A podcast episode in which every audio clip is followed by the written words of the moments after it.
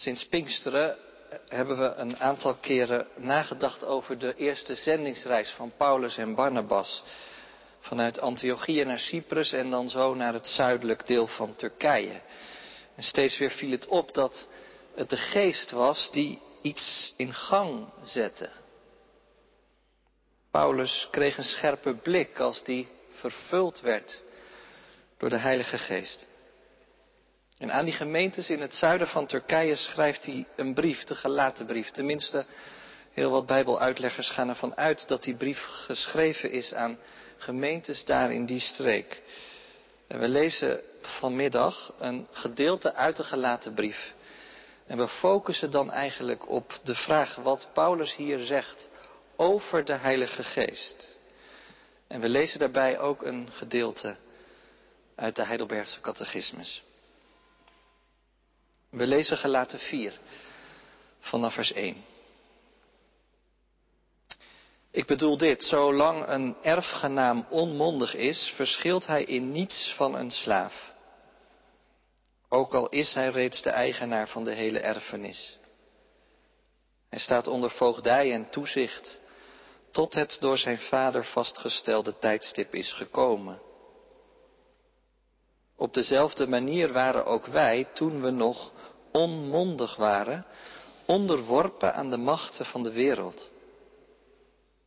Maar toen de tijd gekomen was, zond God zijn zoon, geboren uit een vrouw en onderworpen aan de wet, maar gezonden om ons vrij te kopen van de wet, opdat wij zijn kinderen zouden worden. En omdat u zijn kinderen bent, heeft God ons de geest van zijn zoon gegeven, die Abba, Vader, roept. U bent nu geen slaven meer. U bent kinderen van God en als zijn kinderen bent u erfgenamen door de wil van God. Toen u God nog niet kende, was u onderworpen aan goden die helemaal geen goden zijn. Hoe is het dan toch mogelijk dat u die God hebt leren kennen, meer nog door God gekend bent, u opnieuw tot die zwakke, armzalige machten wendt en u daaraan als slaven onderwerpen wilt? U houdt u werkelijk aan vaste feestdagen, maanden, seizoenen en jaren. Ik vrees dat al mijn inspanningen voor u volkomen zinloos zijn geweest. Broeders en zusters, ik smeek u, wees zoals ik, want ik ben zoals u. U hebt mij nooit enig kwaad gedaan. Herinnert u zich niet de eerste keer dat ik u het evangelie heb verkondigd? Ik kwam bij u toen ik ziek was. En hoewel mijn ziekte u er alle aanleiding toe gaf, hebt u mij toch niet veracht of verstoten. U hebt mij in uw midden opgenomen als een engel van God, als Christus Jezus zelf. Dit is het woord van God.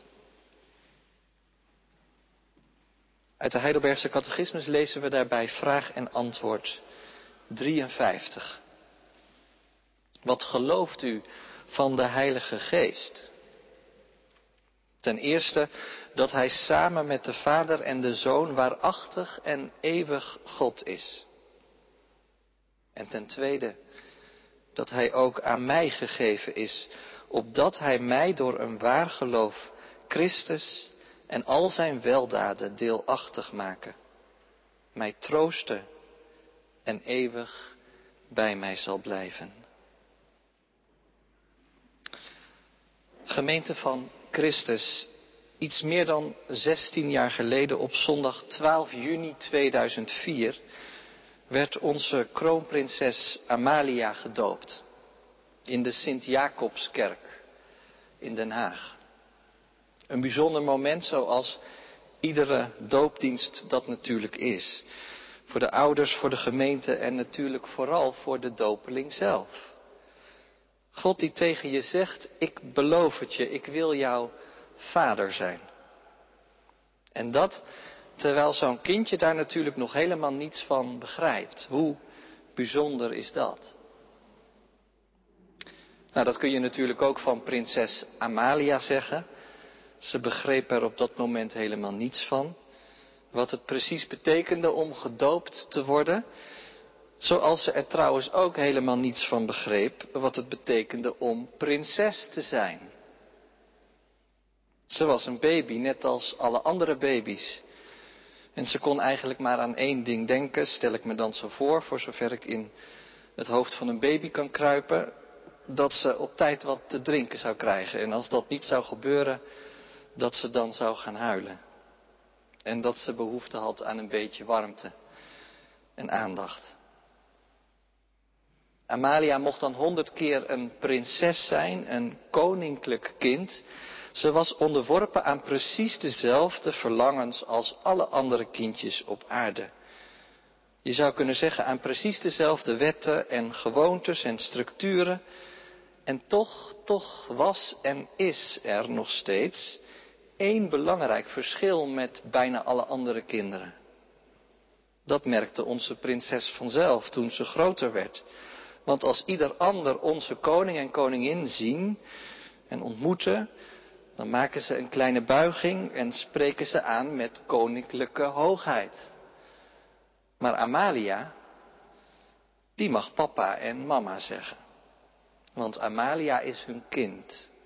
En dat is heel wat anders dan een onderdaan. Nou, en daarmee zijn we eigenlijk midden in dat fragment in de gelaten brief dat we lazen. Dat is eigenlijk een tweeluik. Twee illustraties lopen er wat vloeibaar door elkaar heen. Aan de ene kant heeft Paulus het over onmondige slaven of knechten. En aan de andere kant heeft hij het over mondige erfgenamen. En die twee beelden die op het eerste gezicht heel verschillend zijn, die brengt Paulus in dat fragment bij elkaar. De onmondige slaaf wordt een mondige erfgenaam. En hoe kan dat nou? Nou, dat kan dankzij het werk van de Heilige Geest. En zo is die tekst dus een prachtige illustratie bij vraag en antwoord 53 uit de catechismus. En daarom gaan we er vanmiddag eens goed naar kijken. En dan beginnen we eerst maar met dat ene beeld van die onmondige slaaf die op de een of andere manier onderdrukt wordt door allerlei machten. Onmondigheid, wat betekent dat eigenlijk? Nou, je kunt er bijvoorbeeld het gebrabbel van een baby in zien. Van een baby die zich met behulp van taal nog niet kan uitdrukken. Hij kan inderdaad gaan huilen als hij zich niet prettig voelt. Maar hij begrijpt nog helemaal niets van de werkelijkheid, van de wetten en de gewoontes en de regels. Een baby is onmondig en volgt alleen het instinct. En zo werd dat woordje onmondig in de tijd van Paulus ook wel gebruikt voor mensen die nog niet tot een soort geestelijke volwassenheid waren gekomen. Eigenlijk was het gewoon een scheldwoord. Je had in de Griekse wereld heel veel filosofen die dachten te weten hoe de wereld in elkaar zat. En hoe meer je wist, hoe mondiger je was. Onmondig zijn dus als dom of simpel zijn. Onmondig zijn misschien ook wel als onverschillig zijn. En bovendien niet in staat om zelfstandig de juiste keuzes te maken. Je kunt je er het beeld bij voorstellen van iemand die onder voogdij staat.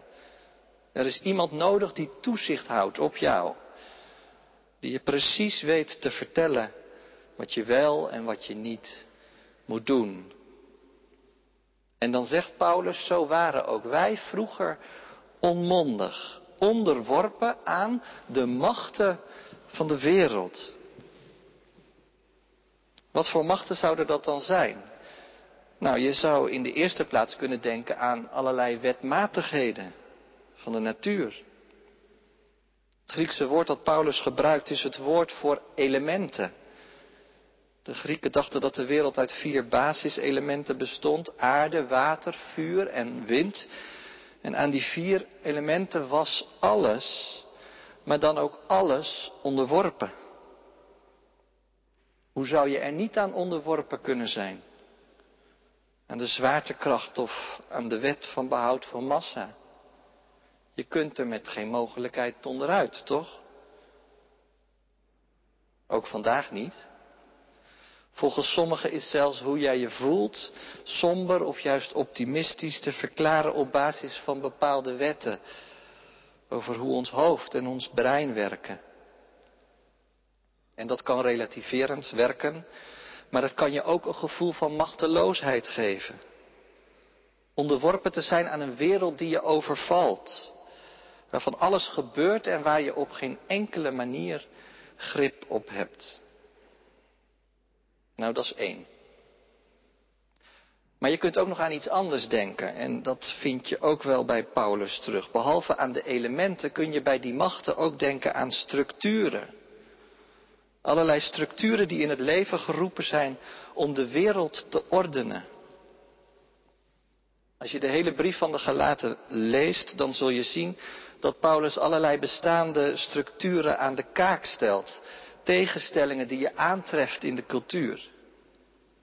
Want één ding is zeker, als het gaat over machten, dan gaat het over macht, over hiërarchie, over macht uitoefenen over iets of iemand anders, over iemand die heerst over een ander. En dan ben je eigenlijk al heel snel bij nog een soort derde inkleuring van dat thema. Want als het in de Bijbel over machten gaat, dan is de zonde nooit ver weg. De zonde die er inderdaad de oorzaak van is dat er van allerlei dingen scheef gegroeid zijn in onze werkelijkheid. Het verlangen naar altijd maar meer. Harten die nooit tevreden zijn met wat er is. En ten diepste het intense verlangen bij mensen om als God te willen zijn. Denk nog even aan dat beeld van vanmorgen wat in de preek langs kwam. Misschien heb je het gehoord. Een gouden beeld. Opgericht door Nebukadnezar. Waar iedereen voor buigen moest.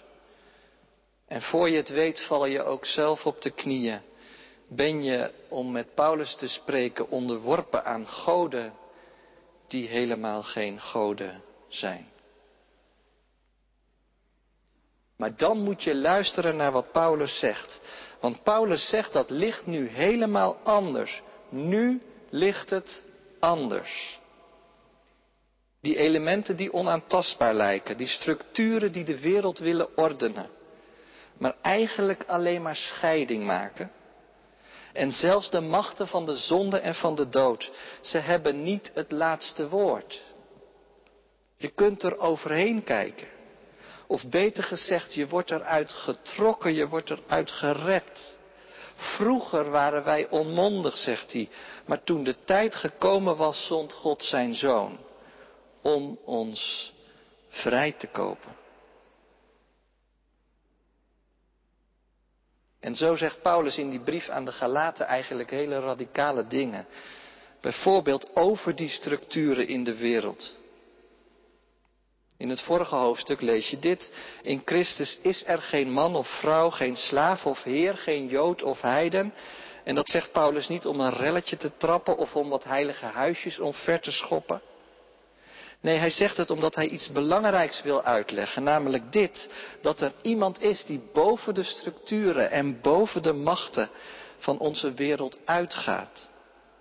En dat is Jezus Christus, de gekruisigde en de opgestane Heer, die Heer is over de hemel en over de aarde. Weet je, als je al die machten in de wereld op je in laat werken, dan kan het zomaar zo zijn dat het je begint te duizelen. En dat je overvallen wordt door een soort moeheid en moedeloosheid, onmondigheid. Je staat met je mond vol tanden.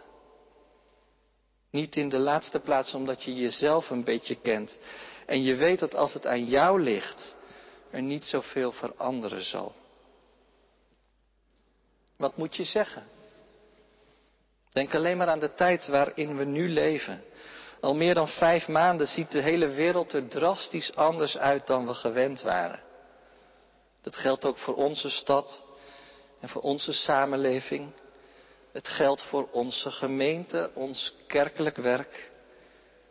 Je leest allerlei reflecties op kerk zijn na corona en we denken er zelf over na. Hoe zal het straks gaan als we weer beginnen met een nieuw seizoen? Je hoort het wel eens, zal het ooit weer worden zoals het was? En een veelgehoord antwoord is dan, geen idee, ik weet het niet. Dit is nu typisch een geval van overmacht. Ik kan er geen zinnig woord over zeggen. En ik snap dat wel. Maar toch, toch wijst Paulus op een alternatief. Hij zet de onmondigheid niet op een voetstuk. Hij staat haar niet oogluikend toe. Deze status quo is voor hem onaanvaardbaar. Maak van al die machten geen goden, zegt hij. Met andere woorden, geef ze niet te veel eer, maar laat je leiden door de geest. Misschien denk je, maar hoe dan? Nou, dan is het hoog tijd om naar dat andere beeld te kijken wat Paulus geeft. Van die erfgenaam, die zelfs eigenaar is van een hele erfenis. Van iets dus wat achter de horizon gloort. In de grondtekst van dit fragment wordt zelfs het woordje Heer gebruikt. Ik weet niet of het je opgevallen is, maar allerlei uitdrukkingen die Paulus in dit gedeelte gebruikt, zoon, erfgenaam en heer, die tref je elders in het Nieuwe Testament alleen voor Jezus Christus aan. Hij wordt de zoon van God genoemd. En in sommige gelijkenissen wordt hij getekend als erfgenaam. En heer, dat is zijn dure titel verworven aan het kruis, door de dood heen tot de opstanding. Dus dat tweede beeld, wat in dit fragment staat, dat heeft alles met Jezus Christus te maken. Gods zoon staat er in de tekst, geboren uit een vrouw en geboren onder de wet. En die mens die kocht de slaven uit het eerste beeld vrij, zodat ze niet langer onderworpen hoefden te zijn aan al die machten waar we het zojuist over hadden. En dan begint het je eigenlijk opnieuw te duizelen. Want dan raakt Paulus pas echt op dreef. Maakt hij het nog mooier en nog spannender en nog dieper. Want al die titels die in het evangelie gereserveerd zijn voor Jezus, zijn volgens Paulus weggelegd voor die onmondige slaven uit het eerste beeld. Als zij zich door de geest tot mondige kinderen laten maken. Met andere woorden, wie door het geloof verbonden raakt aan Christus, raakt blijkbaar zo aan Hem verbonden dat God diegene ziet zoals Hij Christus ziet. En dan komen die twee beelden uit dat tweeluik dus bij elkaar. Het is alsof ineens alle kinderen uit de klas van prinses Amalia papa en mama tegen de koning en de koningin gaan zeggen. Zo vertaalt Paulus het letterlijk. Wat gebeurt er volgens hem als die twee beelden bij elkaar komen in iemands leven? Nou, dan gaat die gelovige Abba tegen God zeggen. Dat betekent vader. Want als Jezus de zoon van God is, en jij aan Hem verbonden bent, dan mag ook jij een kind van God zijn. Je kunt ook zeggen, dan wordt er mens als het ware in de intieme relatie tussen de vader en de zoon getrokken. En dan zijn we toe aan die woorden uit de catechismus. Want dan mag je delen in de weldaden van Christus. Dat wil zeggen, je mag delen in de verzoening die hij bewerkstelligde aan het kruis. In de vergeving van zonden die hij uitdeelde aan de mensen om hem heen. In de heiliging van het leven als je hem na gaat volgen. In de vrede en de vreugde en in de liefde die zo kenmerkend zijn voor zijn karakter en zijn wezen. Catechismus is eigenlijk een heel persoonlijk boek. Dat zie je aan de manier waarop de vragen gesteld worden en de antwoorden gegeven, eigenlijk altijd in de eerste persoon enkelvoud. Je weet het misschien wel, wat is jouw enige troost in leven en sterven nu dat ik het eigendom van Jezus Christus ben? En zo ook hier, wat weet jij nu eigenlijk van de Heilige Geest? Ik bedoel niet met je hoofd, maar met je hart. Ik weet dat Hij samen met de Vader en de Zoon waarachtig en eeuwig God is. Maar ik weet ook dat Hij aan mij gegeven is, opdat Hij mij door een waar geloof Christus en al Zijn weldaden deelachtig maken, mij troosten en eeuwig bij mij zal blijven. Ik zou zeggen, laat die woorden eens op je inwerken. Denk er eens over na. Heb je God inderdaad zo leren kennen? In ieder geval is het voor Paulus wel duidelijk, als je aan Christus verbonden raakt, dan gaat je leven er radicaal anders uitzien. En eigenlijk was dat vanaf de allereerste Pinksterdag al duidelijk. Dat de boodschap van het evangelie een revolutionaire boodschap is. Denk maar eens aan de beschrijving van het Pinksterfeest in het boek Handelingen. Over de leerlingen die ergens in Jeruzalem bij elkaar zijn en dan worden ze vervuld met de geest. En ineens klinkt er het geluid van een hevige windvlaag. En er verschijnen vuurtongen op de hoofden van de discipelen. En ze gaan praten in vreemde talen, door de geest hen ingegeven. En er zijn mensen in de buurt die het zien. En ze begrijpen er helemaal niets van. Ze zijn helemaal in de macht van een sceptisch soort denken. Die leerlingen, kinderen van God, wel nee, ze zijn dronken. Ze praten met dubbele tong, onmondig. Maar niets is minder waar. Ze zijn juist mondig geworden. Ze hebben dankzij de geest zicht gekregen op een nieuwe toekomst. En ze willen meer en meer leven vanuit die hoop. En zo stelt de Heidelbergse catechismus heel terecht. Bij die hoop hoort ook het woord troost. Leven vanuit de hoop is leven vanuit de troost. Welke troost? Nou, deze troost. Dat jij zelf niets hoeft omdat je het eigendom van een ander bent. Nou, beter gezegd, omdat er een vader is. Weet je, die machten van de wereld, die vragen zoveel van je. Ze leggen je een slavenjuk op. En wat is nu de troost van het christelijk geloof dat je mag komen zoals je bent? En dat God je als kind wil aannemen niet vanwege iets uit jezelf, maar enkel en alleen uit genade. Voor velen is de zomervakantie een periode van reflectie. Dat was deze zomer misschien nog weer anders zo dan vorige zomers. Omdat de situatie in de wereld zo zorgelijk en zo complex is. Als we vooruitkijken naar de weken en de maanden die komen, wat moet je dan zeggen? Staan we dan inderdaad met onze mond vol tanden? Volgens Paulus is dat niet nodig. We hoeven niet onmondig te zijn, maar we mogen mondig worden. Dankzij het werk van de Heilige Geest. Toen ik zelf nadacht over deze preek en over deze thematiek, zo aan het einde van de vakantie en met het oog op een nieuw seizoen, toch ook best wel veel onzeker, nam ik me dit maar gewoon voor. Om steeds weer terug te gaan naar die basis.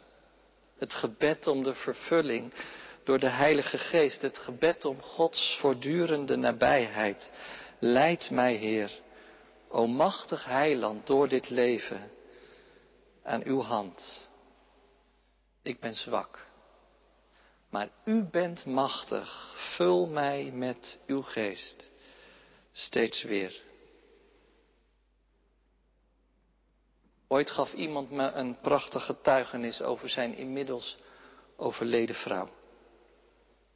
Ze had zoveel godsvertrouwen, zei hij. Het was net een kind dat ergens bovenop staat en er zomaar van af durft te springen. Waarom? Omdat het weet dat papa onderaan staat om het op te vangen. Nou, precies dat. Vanmiddag worden we uitgenodigd om ons eigen geloof daaraan te spiegelen. Om mee te doen om mondig te worden, mondige erfgenamen, mee te doen met die leerlingen in Jeruzalem, met Paulus en met zoveel na hem, en het uit te zingen. Abba Vader, u behoor ik toe. Amen.